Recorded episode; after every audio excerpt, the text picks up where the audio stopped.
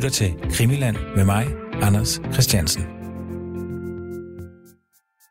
Når man taler om mordet på Olof Palme, den svenske statsminister, der blev skudt i ryggen en sen februar aften, ja nærmest nat, i 1986, så er det jo en, øh, en gåde, hvorfor at det aldrig blev opklaret, det mor. Og man skal ikke studere mordet særlig længe, før man begynder at tænke, hvad lavede politiet egentlig? Det svenske politi, efterforskningen, har været, mildt sagt, under hård, hård kritik. Derfor så er det yderst interessant, det vi skal til nu. Sammen med Husis... Han ringer nu.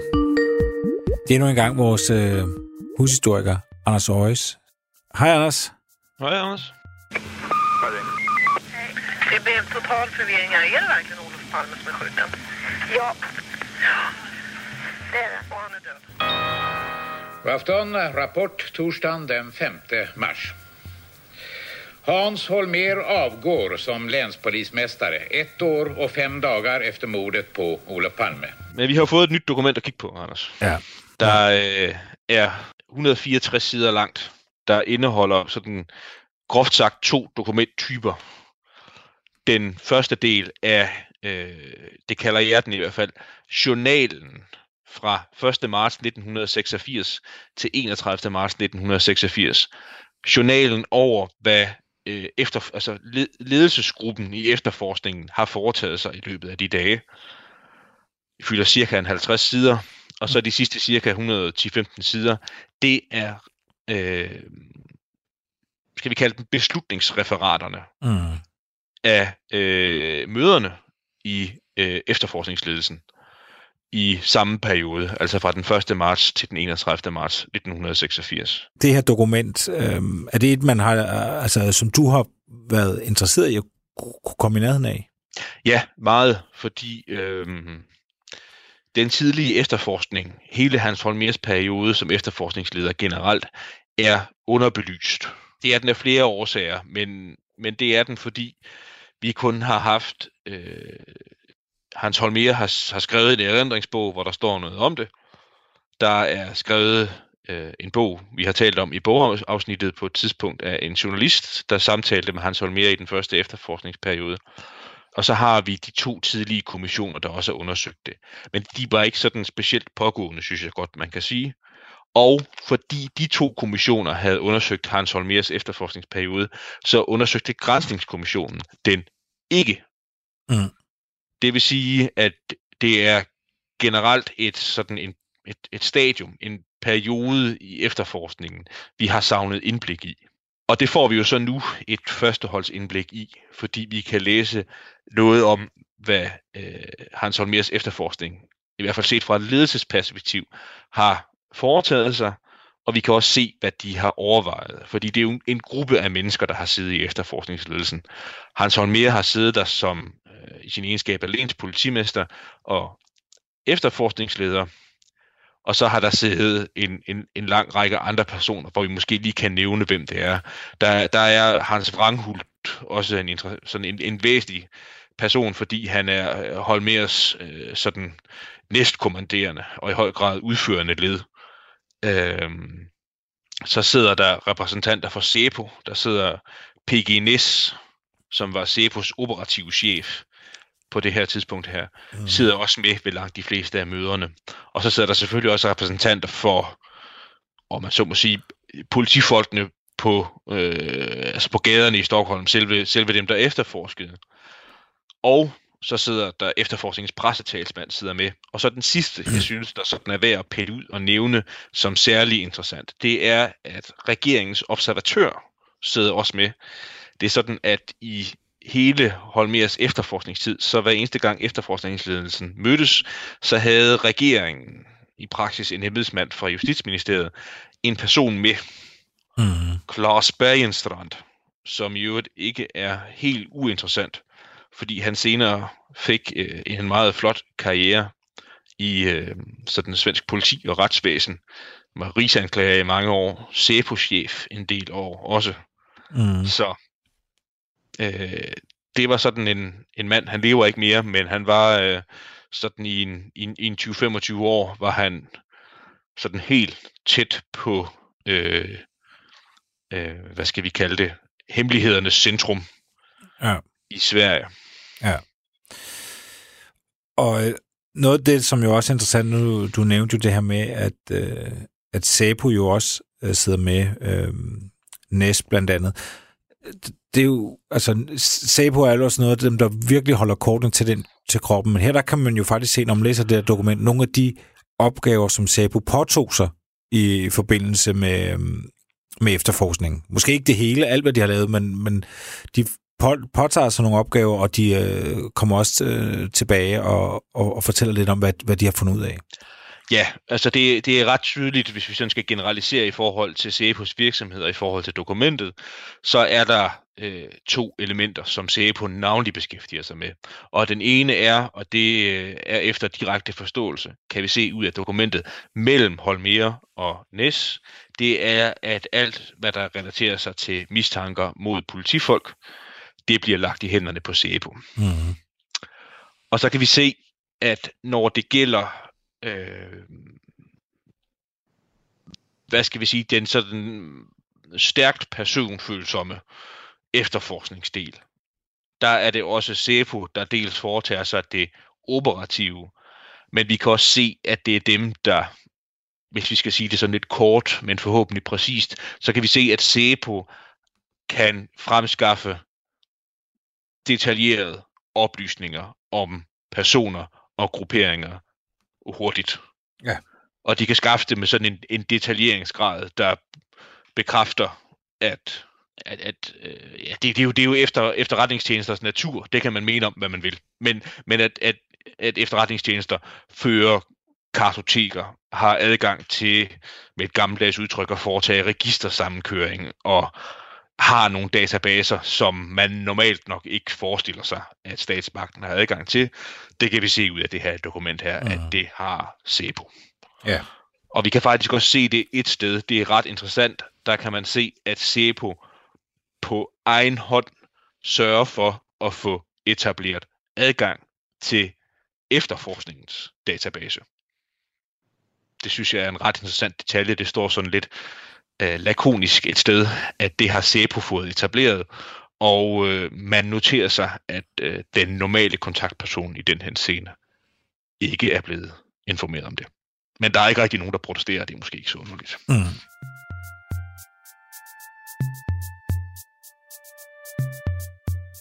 Det er som sagt altså allerede fra 1. marts, og der faktisk den allerførste linje er jo, er jo interessant, fordi der går jo nogle historier, vi også, øh, eller jeg har selv øh, fremlagt de her øh, teorier og hypoteser om, at Holmer slet ikke var i, øh, i Borlænge øh, på, på mornatten. Det er jo blandt andet øh, en tidligere chauffør, der, der mener det. Men, øh, men, men ifølge den her, der, der starter det med, at man øh, klokken 7.40 har Holmer med på telefon fra Borlænge. Ja, og det passer også. Der er et, et senere tidsskema, hvor der står, hvornår han kommer frem, og hvornår der er pressekonference. Ja. Så og det stemmer overens med det, man har, man, man har vidst tidligere. Så ja, det er jo en sag for den enkelte, hvad man opfatter som autoritativt og ikke autoritativt. Men altså, øh, jeg synes generelt giver dokumentet øh, jo indtryk af øh, at være, om man så må sige, mangler et mere nøjagtigt udtryk, ægte. Altså, det er, er, er, er det korrekte, uforfalskede dokument, vi har fået udleveret. Ja, og, og vi kan vel også, øh, nu ved jeg, du, du er jo historiker, Anders, og der går man jo også meget op i, og sådan, når man har noget kildemateriale, og så lige øh, lave noget kildekritik. De har vel, vel ikke, da det her dokument, da alt det her blev nedfældet, har de vel ikke haft for øje, at det en dag skulle offentliggøres? Nej, det tror jeg ikke på. Det tror jeg ikke på, at det har. Altså, øh, det, det har man jo ikke siddet og regnet med på det tidspunkt, at det her dokument her skulle være genstand for agtindsigt. Mm. Altså man har nok godt vidst langt ude, at det ville jo ende på et arkiv, og det vil ende med, at nogen kunne læse det på et tidspunkt. Men, men, men jeg tror ikke på, at man har siddet på det tidspunkt og været optaget af, hvad, øh, hvad eftertiden måtte mene om det. Det har handlet om... Øh, at efterforskningsledelsen jo skulle have, har skulle øh, øh, hvad hedder det, altså de har været tilknyttet den dokumentationsforpligtelse, som alle offentlige myndigheder har. Altså, de har skulle dokumentere, hvad de gør, og hvem der gør noget, og hvem der træffer beslutninger om hvad. Ja, ja så, så, så, så det, det, jeg vil sige med det, det er jo, at man, skal, altså, man kan jo godt gå ud fra, at de har jo ikke siddet og, og pyntet på det. Det er jo ikke et eller andet, der øh, skulle, skulle fremlægges for nogle andre, og de skulle tage sig bedre ud. Det, er, det er simpelthen et arbejdsdokument. Ja, Øhm, og spørgsmålet var, om vi, inden vi sådan fortaber os sådan for meget detaljer, allerede skulle levere øh, noget, vi begge har observeret i dokumentet, som kan være interesse lige præcis i den her scene med det samme. Det synes jeg da. Og det, jeg tænker på i den forbindelse, det gælder øh, apartheidstyret i Sydafrika. Ja. Øh, som jo er ingen tvivl om det, er et, et helt spor for sig, og et helt motiv for sig, øh, som man kan undersøge meget grundigt. Men når vi ser det her dokument her, hvad efterforskningsledelsen i det tidlige stadium har gjort i forhold til det, så synes jeg rent faktisk, at de har gjort øh, det, man burde gøre, og har fået et interessant resultat ud af det. Fordi det efterforskningsledelsen har gjort, det er, at de har rettet kontrakt, kontakt, altså rettet henvendelser til, til, øh, til den engelske efterretningstjeneste. Mm. Engelske myndigheder. Og det har de selvfølgelig gjort ud fra, øh, fra den tankegang, at øh, på grund af forskellige forhold her, blandt andet sådan Sydafrikas tidligere stats, sådan statsretlige tilhørsforhold osv., så, så har man vidst, at hvis man skulle vide noget om, hvad der foregik i øh, Sydafrika og i bestemmende kredse i Sydafrika, så har det været englænder, man har skulle have fat i. Og det har de så gjort og spurgt ad, om der i engelske efterretningskredse var noget, der pegede i retning af Sydafrika. Mm. Og der kan vi simpelthen se i dokumentet, at man har fået det svar tilbage, at de kanaler, som den engelske efterretningstjeneste har haft, at det var der ikke noget, der tyder på. Nej. Og senere hen kan vi også se i dokumentet, at svenskere har brugt de efterretningskontakter, man har haft til Sydafrika, og nået frem til samme resultat. Ja. Øhm, og det, det, det, det må jeg sige, det, det synes jeg er interessant, øh, sammenholdt med, hvad man sådan ellers kan diskutere og resonere i forhold til Sydafrika, at vi får et så direkte vidnesbyrd fra den tidlige efterforskning Ja. ja. om netop, netop det spor. Og, og hvis jeg bare må knytte noget til, til Sydafrika-sporet, så synes jeg måske, det er et af de spor, nu, nu er det jo som om, at, der, at det er sådan nogle, at, at hver, hver spor er en eller anden vedløbshest, øh, og hvor godt de så klarer det. Der er Sydafrika-sporet jo et af dem, der virkelig har mistet pusten, synes jeg, efter, øh, efter pressemødet, og at dokumenterne kom frem, og der, der, der er jo faktisk mindre og mindre at hænge sin hat på.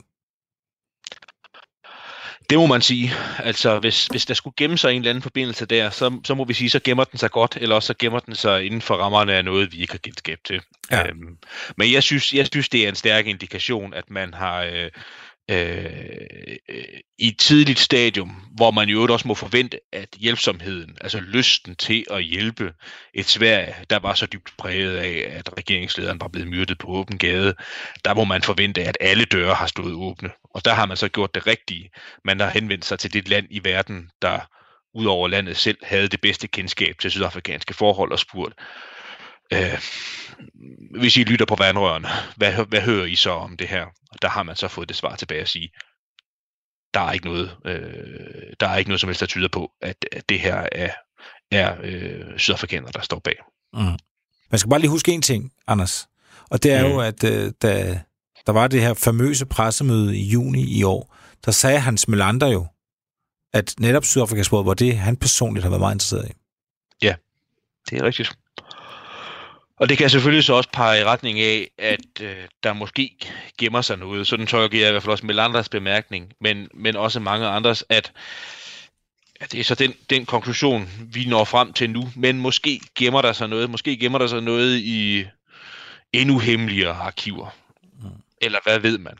Altså, ja. øh, der er i hvert fald ikke nogen tvivl om, at, øh, at, at Sydafrika på det tidspunkt jo var også et land, øh, hvor man arbejdede med dobbeltbogholderi. Altså på overfladen så øh, var der noget, der mindede om, om resterne af en vestlig retsstat. Men på den anden side, så, så ved vi jo også, at der var øh, det, nogen kalder for en hemmelig eller en dyb stat. Mm. Øh, og der er grund til at overveje, hvor godt dokumenteret dens aktivitet der var. Men, ja. øh, men, men jeg er overordnet enig med dig, helt enig med dig i det, du siger, at, øh, at det overordnede billede på baggrund af de dokumenter, der bliver frigivet, er, at Sydafrikas sporet står svagere og svagere. Ja, vi skal i hvert fald vide noget mere, før at, øh, at man kan bruge mere tid på Sydafrika, tænker jeg. Ja.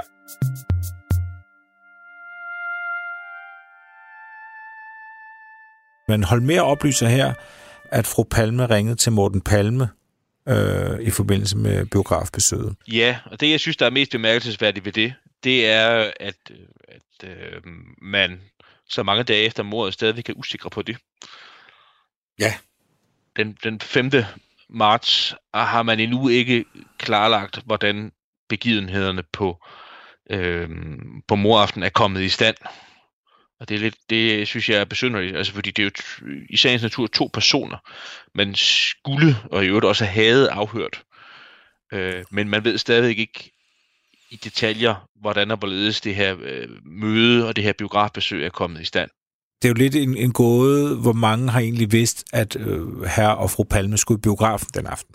Øhm, og, og det her igennem er de også interesseret i, altså ikke i Morten Palme, så er de lige pludselig interesseret i Morten Palmes kæreste.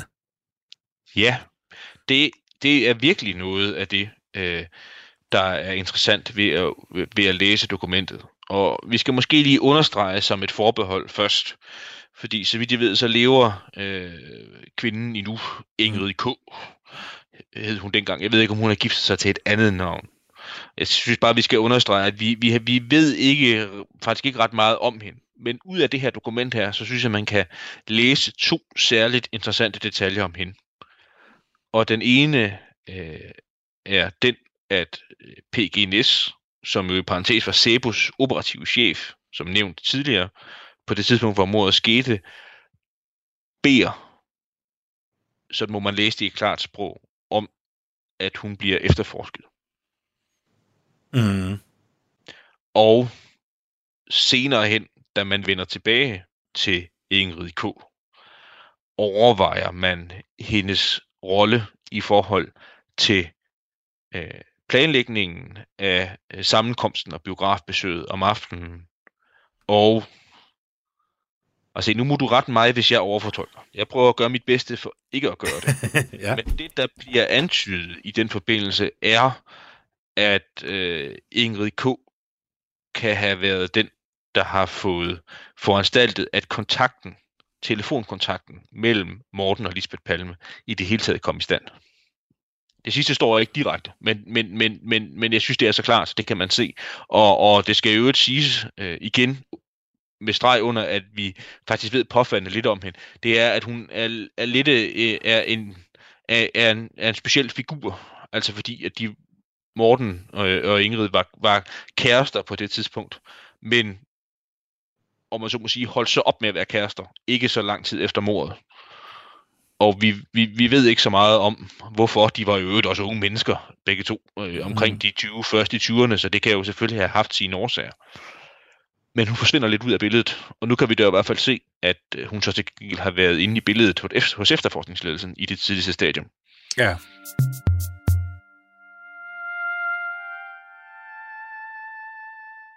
Man har undersøgt øh, nogle ting i forhold til øh, i forhold til gerningsmandens flugt fra gerningsstedet.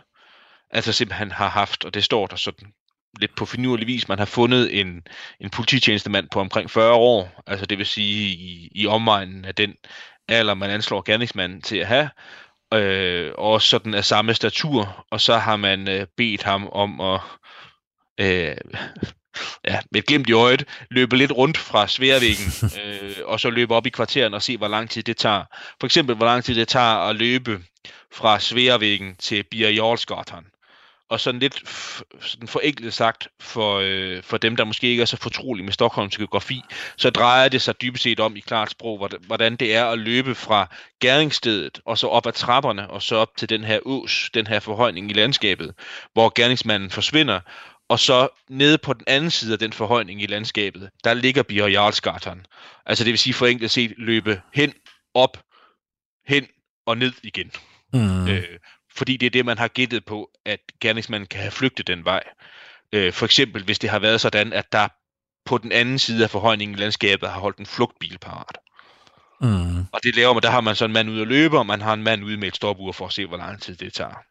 Ja. kommer jo frem til, at, at, at, at flugt, flugtvejen for en, for en mand i den alder med den, med, med den mulige kondition er, er cirka 2 minutter og 15 sekunder. Mm. Og en anden ting, jeg også synes er interessant, vi kan se, hvis det også gælder sådan nogle, og dem kan jeg jo godt lide, altså sådan nogle basisanalyser af, hvad der rent faktisk kan lade sig gøre, og hvad der rent faktisk er muligt i praksis, når man skal efterforske et mor. Det er, at vi kan se øh, sikkert på baggrund af de walkie-talkie-tip, der trods alt allerede indløber i marts 86. Der sender man simpelthen SEFO-folk ud med walkie-talkie for at prøve at finde ud af, hvordan forholdene er, hvis man vil kommunikere via walkie-talkie i Stockholm. Ja. Øh, og i rundt, og rundt omkring kvartererne. Øh, og det de finder ud af, det er, at sådan øh, almindelig hverdags øh, udstyr, så kan man kommunikere over en afstand af cirka en halv kilometer.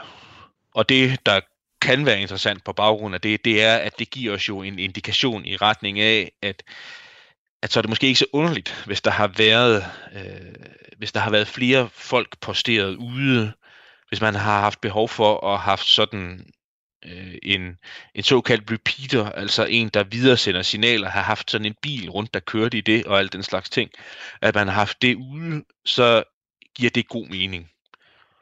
Vi kan måske være så uforskammet at henvise til, jeg tror, vi indspillede et afsnit på et tidspunkt, der hed noget i retning af Walkie Talkie Show. Det er nemlig rigtigt. Og der kan man vende tilbage til for at høre mere om det, men jeg synes, at det er interessant, at SEPO rent faktisk kan være ude og teste de faktiske forhold i jernindustrien, om man så må sige. Altså, hvordan fungerer det at kommunikere med walkie-talkie i Stockholm, og hvor langt rækker en almindelig walkie-talkie i, i de her snævre gader og steder, hvor der er etageejendom og alt den slags. Ja. Og en sidste ting af det sådan mere specifikke, som jeg også synes er interessant, det er, at vi kan se, at efterforskningen faktisk har lavet ret grundige undersøgelser i Gamla Stan, altså hvor ægteparet Palmes lejlighed lå. Øh, ligger der sådan set endnu, de bor der jo bare ikke mere. Men, men, men prøvede at lave nogle efterforskninger i det kvarter. På det tidspunkt i 1986 var der en del af de huse, der lå tæt ved den ejendom, hvor deres lejlighed lå i, der var under øh, renovering. Og der kommer der øh, et sted interessante oplysninger frem om, at en ejendom, der har været under renovering og derfor lukket af, der kan man se, da man undersøger den, den 14. marts, at i et område af den, hvor der har været, øh, altså hvor man har kunnet se over til den ejendom, hvor det Palme boede, kunne man se, at der har været uvedkommende til stede. Altså simpelthen folk, der havde været, haft tiltvunget sig adgang til den ejendom, og opholdt sig et sted, hvor man kunne kigge over mod den ejendom, hvor de boede, og det kunne man se øh, ud fra de ting, altså genstande. Det står ikke specielt specifikt, men der står genstande, der var der, og man kunne frem for alt se det på grund af, at, øh, at der var afsat fodaftryk. Mm. Altså dem, der renoverede ejendommen, vidste simpelthen, at, at der var lukket af. Det var ikke et område, hvor det var meningen, man skulle kunne op, opholde sig, og så kunne man se, at der havde opholdt sig folk der. Mm. Det synes jeg også var interessant, noget jeg godt kunne tænke mig at vide mere om.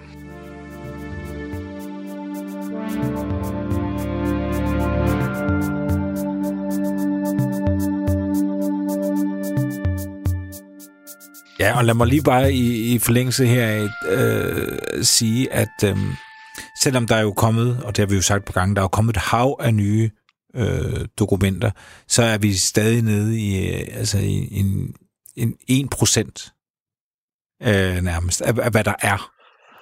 Ja, der, der, der, der er meget nyt, der venter på at komme ud endnu. Der er meget nyt, så, så vi, har, vi har slet ikke set det hele endnu. Øh, og, og vi synes godt nok, der er kommet meget, og der er kommet rigtig meget, også meget mere, end vi kan nå at, at læse. Øh, og der kommer altså, ja, altså, der er jo en, en halv million øh, sider øh, dokument, øh, dokumenter, øh, har, har vi fået at vide på et tidspunkt. Og, og, og så så mange er der slet, slet ikke kommet ud endnu. Så der, der, er, der er meget godt i vente endnu. En sidste ting, jeg ved ikke om det er en sidste ting, en anden ting, Anders, øh, mm. det er jo den 6. marts, der siger Holmer til, til de møderne, at øh, her der bliver det nu besluttet, at PG NES, altså SAPO, mm. øh, de tager sig af alle mistanker mod politiet. Ja. Og det er nogenlunde i samme forbindelse, at, at, at det her politisporet dukker op Øh, der står, hvis du... Øh, skal vi se, hvad side er jeg på her? Åh, den her, den er så... Jeg er på side 46. Ja, jeg er med. Nummer 28, og står der parentes, nyt på listen. Mm-hmm. Og så står der, gå, øh, så står der poliser. Altså, det er simpelthen her, som jeg læser det, det er simpelthen her, hvor det bliver født. Officielt, ja, så bliver det til en, en, en kategori i den nummereringsliste, jeg talte om før. Der ligger man nummer 28 ind og ligger politifolk der. Ja, og det sker altså øh, den, den 6. marts, og det, det er, så vidt jeg kan se, altså en helt konkret politimand i, i første omgang. Ja. Øh, kan du regne ud, hvem det er? Nej, det er virkelig en skam øh, i forhold til øh, i forhold til de her øh, tidlige politifolk. Øh, det er at, øh, at det kan vi jo ikke endegyldigt. Det er streget over med sort i dokumentet. Vi kan gætte lidt svagt på baggrund af, hvor mange anslag vi kan se, der er streget over. Mm. Øhm, altså, i det her tilfælde her, så, så det, der giver anledning til det, det er jo en politibetjent, der bliver, øh, hvad hedder det, der bliver øh, anholdt sammen med en anden person, som jo er kriminalreporter, står der i parentes. Altså det vil sige, at vi må forvente, at han er ansat ved en avis. Og de er blevet anholdt af politiet i Norrköping. Og Norrköping er en by, sådan en 100 km syd, øh, syd for Stockholm. Og de to er så øh, mistænkte for øh, trusler, altså fremsatte trusler. Og er så efter forhøret blevet frigivet begge to. Mm. Og så kan vi så se den følgeslutning, du refererede før, det er, der står, hold mere bestemmer, at det er Næs, der skal håndtere alle mistanker mod politifolk. Ja. Der er jo, kan vi se løbende, vi, vi skal igen understrege, vi taler jo om den første måned her, at, øh, at der er flere tilfælde, hvor politifolk, politibiler for den sags skyld, øh, og også kommer, kommer frem. Altså vi kan se, der er... Øh, Øh, der er politifolk, der bliver kaldt ind til forhør. Der er tilmeldt en politimand. Vi kan desværre igen ikke se, hvem det er, men som skulle øh, ifølge referaterne være, have været meget nervøs, øh, øh, da han er blevet afhørt, og skulle have fremsat følgende, da han er blevet afhørt, at han i øvrigt var sikker på, at han ville være blevet, øh, hvad hedder det, øh, så, øh, forhørt allerede på mornatten, siger mm. han selv. Altså det er jo noget af en ting at sige, når man sidder der i den varme stol, at øh, nok kommer I først nu. Jeg havde egentlig regnet med, at I kom øh, natten mellem den 28. februar og den 1. marts. Ja. Øhm, ja, jeg, jeg, og, øh, jeg, jeg, kan, ja. jeg, kan, jamen, jeg sidder bare, jeg, jeg, kan, jeg kan ikke der, det irriterer mig, fordi jeg, jeg synes, jeg har læst øh, en afhøring af en, en politimand, som, som siger noget, der minder om det, og jeg kan ikke finde ud af, hvem det er. Altså, det er ikke, det er ikke Ø, fordi han bliver først afhørt øh, meget senere. mm, Øhm, og det er heller ikke øh, den politimand, der hedder Tell, som vi også har snakket om. Øhm, det, det er ham, der har en vandskade, øh, hvor man finder en, en nagehjelm blandt andet. Og han bliver først afhørt året efter. ja, Og det er heller ikke øh, en, der hedder Pils, som også har været sådan en, man har snakket meget om, fordi han bliver først afhørt den 13. eller 14. ja. Vi må grave lidt i alle de der øh, forhørsrapporter, der er med politifolk, for om vi kan se, øh, vi, vi kan finde en, der er blevet afhørt i så tidligt et stadium. Og det er jo øh, så i praksis, øh, ja i hvert fald inden den 10., så vidt jeg husker ikke, Jo, det at vedkommende, vedkommende skal være blevet afhørt. Ja. Vi kan også se øh, i, i dokumentet, den øh, 26. marts gennemgår man nogle mistanker, der har været imod, og der kan vi så kun se vedkommendes stillingsbetegnelse, altså en kriminalinspektør. Det vil sige ikke, ikke en almindelig sådan, gadebetjent, men øh, en, en, en politibetjent med, hvad skal vi kalde sådan noget, enten ledelsesret eller administrativ, administrativ, funktioner, der, der har rettet sig nogle mistanker imod. Øhm, og der står simpelthen refereret i dokumentet, at som følge af de mistanker, der har været rettet mod vedkommende, uanset om der var substans i dem eller ej, så står der simpelthen, at vedkommende er blevet omplaceret til andet arbejde. Ja. Så øh, der må man da sige, at der har været sådan en direkte, øh, direkte konsekvens af øh, at blive mistænkt i forhold til mordet på Palme. Ja.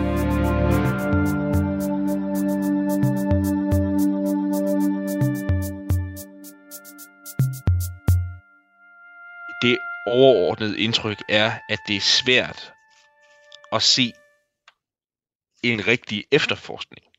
Altså det er svært at få øje på en, øh, en, en, en form for systematik eller analyse, eller for den sags skyld en af mine kæpheste, få, få øje på nogle vidner, Altså dem, der objektivt set vidste noget om, hvordan mordet var gået til. Og sammenfatningsvis, så synes jeg bare, det giver det indtryk af, at der har ikke, der har ikke været nogen organiseret efterforskning, der har baseret sig på sådan klassisk analysearbejde, logik, fastlæggelse af nogle præmisser, der leder til en konklusion, det er der ikke rigtig noget af. Altså, jeg synes, der er meget, der peger i retning af, at man griber fat i det, der lige kommer forbi. Mm.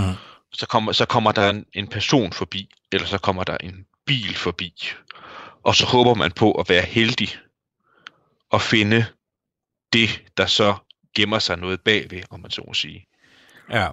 Det er den ene tolkning. Den anden tolkning, hvis vi også skal spidsformulere lidt, eller det melder jeg mig her ved frivilligt til at gøre, det er, man også skal overveje, om det ikke har et sker af beskæftigelsesterapi over sig. Nå. At det gør man, for, fordi så går tiden der med noget. Altså, det, det, er jo, det er jo en hård anklage, du kommer med. At, ja. at, at, at, at, at Palme efterforskningen den første måned egentlig bare er i terapi hos, hos dem selv, i sådan en form for gruppeterapi. Ja. Frem for at prøve at opklare mordet på Olof Palme. Ja. Jeg står gerne ved det.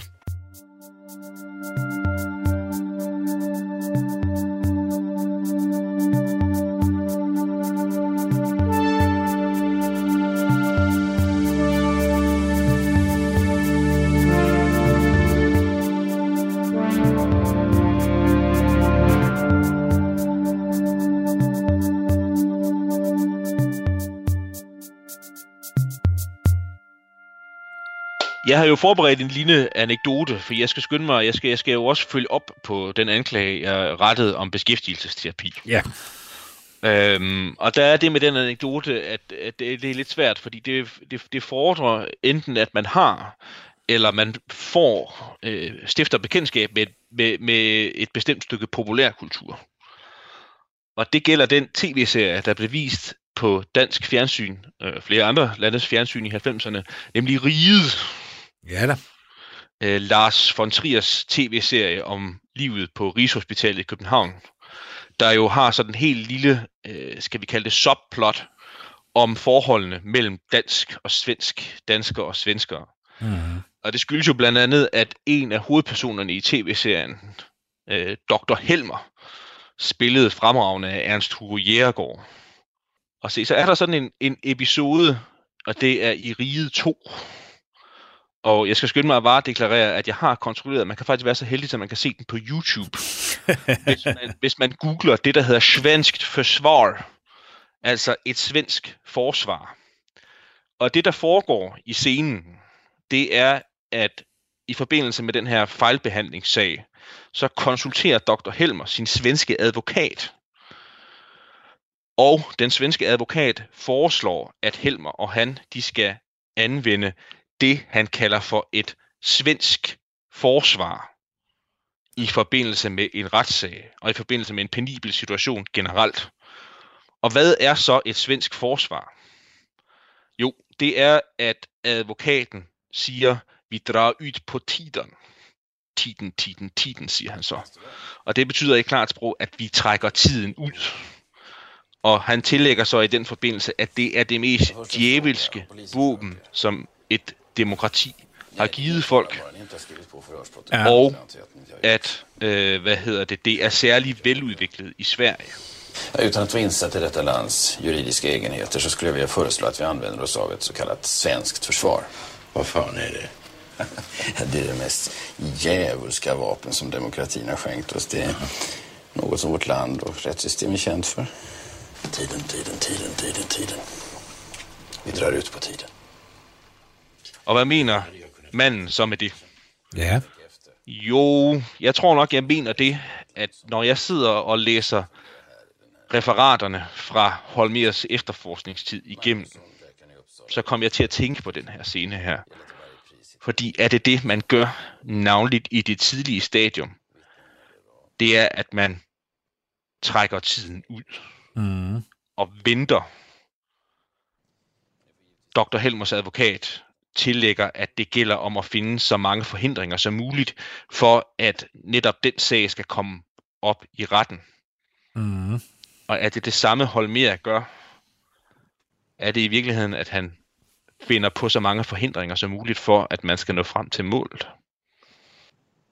Det er selvfølgelig en, en, en grov anklage, og den er belagt med et populært kulturelt eksempel. Ja. Men alligevel, Ja, svensk forsvar. men er der noget sådan... Hvad er det, der får dig til at tænke det? Men det er jo først og fremmest det med, at vi, vi ved i alle mulige sammenhænge, at, øh, at Holmer var dygtig og begavet. Det var nogle af de andre folk, der sidder der også. De var, de var ikke inkompetente. Det var folk med høj, altså det var folk med høje uddannelser og lang erfaring. Folk, som havde øh, øh, væsentlige tillidsposter i det svenske statsapparat. Øh, regeringens observatør sidder til stede. Der sidder øh, den tekniske ekspert Vincent Lange, kan vi også se, sidder der også. Øhm, og jeg, altså, jeg, jeg synes, det er underligt. Altså, kan det passe, at den personkreds øh, er så passiv i det tidlige stadium? Kan det, kan det passe, at når vi sidder og læser referaterne fra, øh, når de mødes øh, øh, om en opgave, de er blevet stillet, øh, kan det så passe, at, det, øh, at, at der forekommer så lidt analyse øh, arbejde. Øh, kan det passe, at, øh, at der er så få henvisninger til den objektive viden om, hvordan mordet det skete? Mm. Øh, vi kan samtidig koble det til med, at vi ved, at de sidder, alle de her folk, de sidder og taler sammen i, i de første martsdage i 1986, og så kan vi konsultere, at der, kon, at der er, kontrollere, at der er masser af de væsentligste gerningsstedsvidner, der ikke bliver afhørt. Mm. Der er ingen, der sørger for, at de bliver afhørt. Øh, Inge M., Anders B., øh, Anders D., alle de væsentligste vidner, bliver afhørt øh, enten på mornatten eller den første, og så er der masser af dem, der må vente en uge eller 14 dage på at blive afhørt.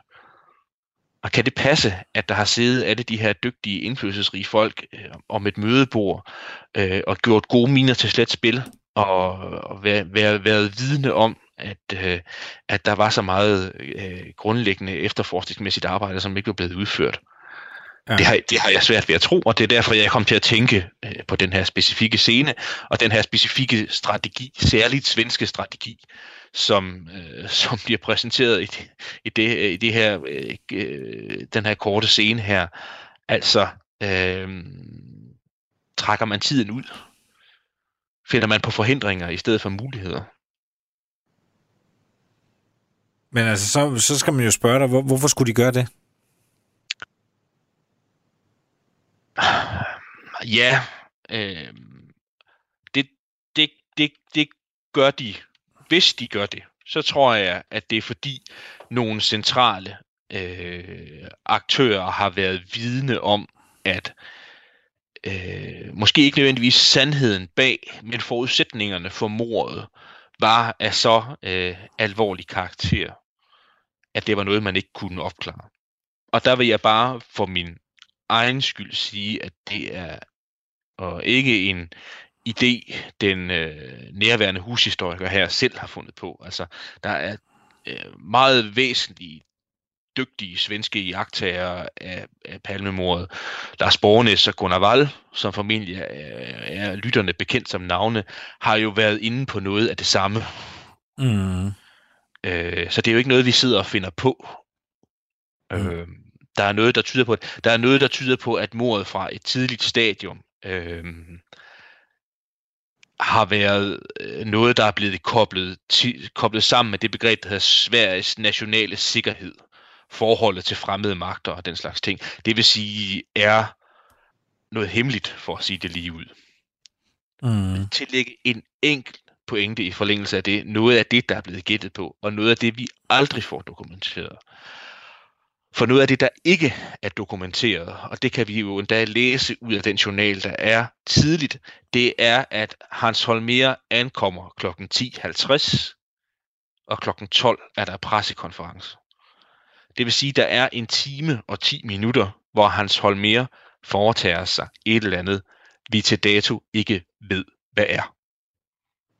En af de personer, der er blevet nævnt nogle gange, også i forbindelse med øh, den her udsendelsesrække og i forbindelse med en bog. Det er ham, der hedder Jan Bundesson, der har skrevet den meget læseværdige bog, der hedder Blodspor i sneen.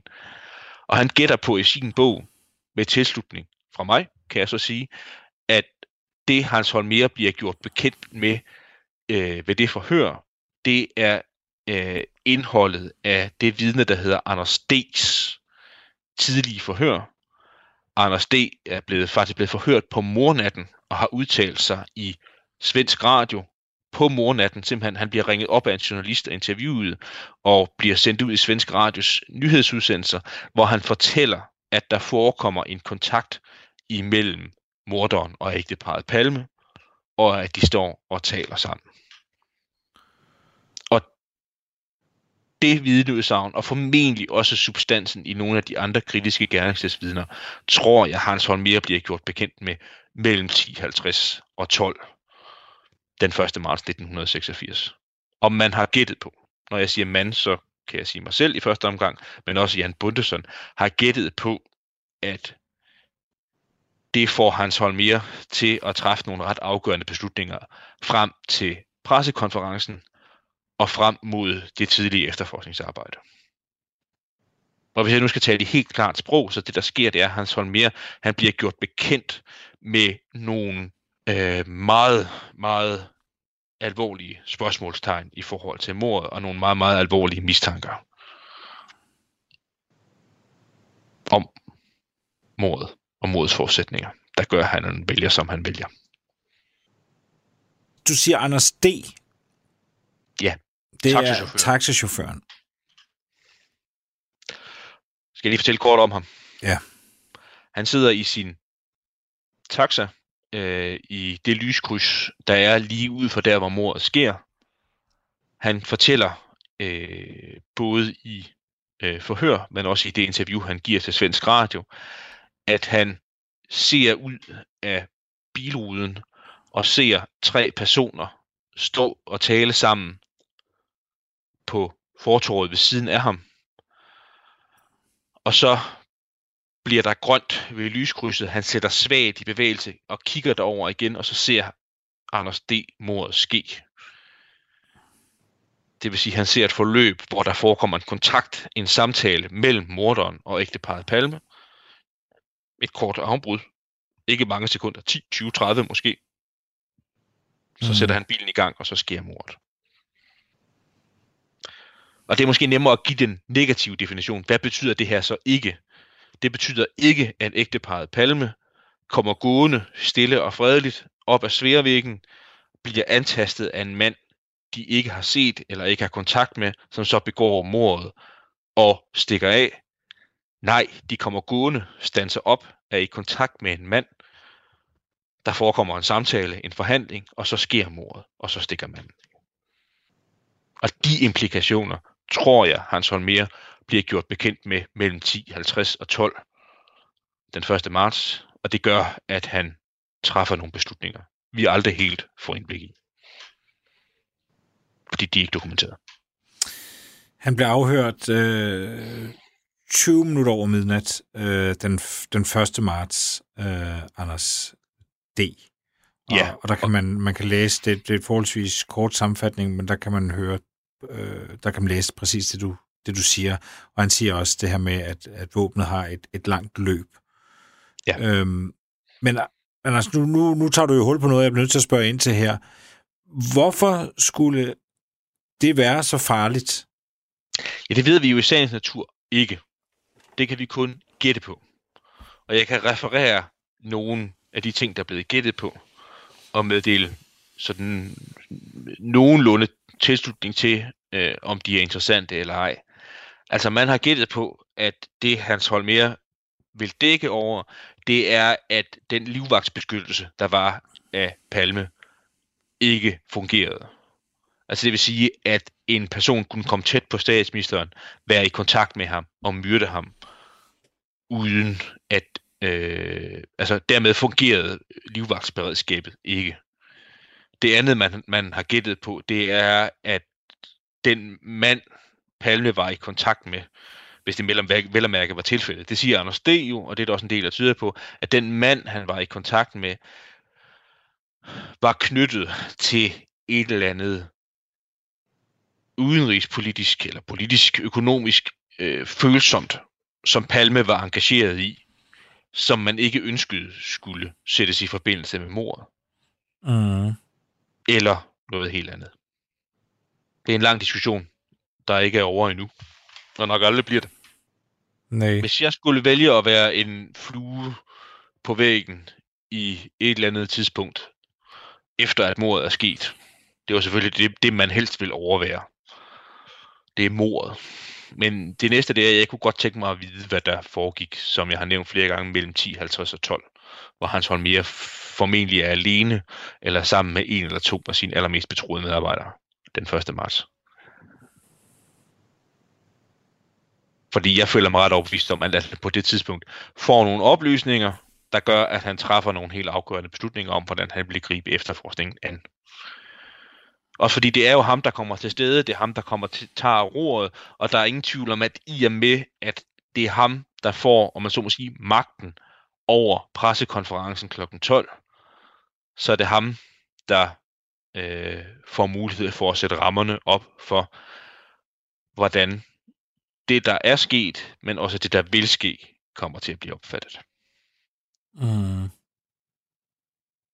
Anders, fordi hvis det skal være rigtigt, altså, de mødes jo 10, 15, 20 mennesker to gange i døgnet, i, i hvert fald den måde, vi kan se, ikke? Altså, tror de andre så, altså de andre, der sidder der, tror de så, at vi rigtig sidder, altså hvis det er rigtigt, det du siger, så sidder de andre og tror, at de efterforsker et mor, og Hans Holmer siger bare, jeg skal bare få de her bavianer til at tro, de efterforsker et mor. Det er et klassisk, klassisk dilemma i forhold til, øh, sådan, hvis vi skal være lidt filosofiske øjeblik, hvor stor, hvor stor magt et enkelt menneske kan have, og hvor stor magt et øh, enkelt menneske kan have over alle mulige andre mennesker, som vi er fuldt ud vidne om, også godt selv kunne tænke og godt selv kunne handle. Altså, havde han virkelig mulighed for øh, dels at bestemme så meget, og dels fremme så meget, men også forhindre så meget? Mm. Øh, og det er svært at svare endegyldigt på. Altså, vi har nogle øh, indirekte vidnesbyrd om det. Øh, at det er sådan. Øh, og det kan være, at vi skal, snak, vi, skal, vi skal begynde med forudsætningerne, fordi det er, at noget af det, man vidste, det var, at Hans Holmer fra et tidligt stadium havde øh, den svenske regerings tillid. Mm. Altså man havde tillid til, at han trådte ind på scenen og ville overtage ansvaret for, at der skete noget, øh, og de rette ting blev gjort. Og vi har jo i hvert fald et vidnesbyrd fra en, der nok kunne tænke selv, men som ikke sad med øh, ved de her møder her, men senere kom til at spille en stor rolle i efterforskningen af mordet på Olof Palme. Og det er den mand, der hedder Anders Helin, eller hed, for han lever ikke mere, som var tilknyttet anklagersiden i mm. Palmemordet. Og Anders Helin har udtalt offentligt, at Hans Holmer ledte efterforskningen på vildspor, og det kunne Hans Holmer gøre, fordi han havde regeringens fulde støtte. Og bare for at være rigtig patentlig, så kan jeg give en kildehenvisning og sige, det siger Anders Helin for rullende kamera i den i øvrigt ret interessante tv-dokumentar, der hedder Satans Mørdere, Satans Mordere, om Olof Palmes liv og død, som man i øvrigt også kan sidde og se derhjemme, fordi mm. den ligger på YouTube. Der siger Anders Helin disse ord, jeg lige refererede. Hans Holmer kunne lede efterforskningen på vildspor, og det kunne han, fordi han havde regeringens fulde støtte. Ja, Hans Holmer ledde in utredningen på fel spår. Och det kunde han göra därför att han hade regeringens fulla stöd för att göra det. Og det kan vi jo også se ud af referaterne, igen for at slå en cirkelslutning og vende tilbage til dem, det er, at vi kan se, at kontakterne til regeringen og kontakten til familien Palme, den har Hans Holmer hele vejen hjem.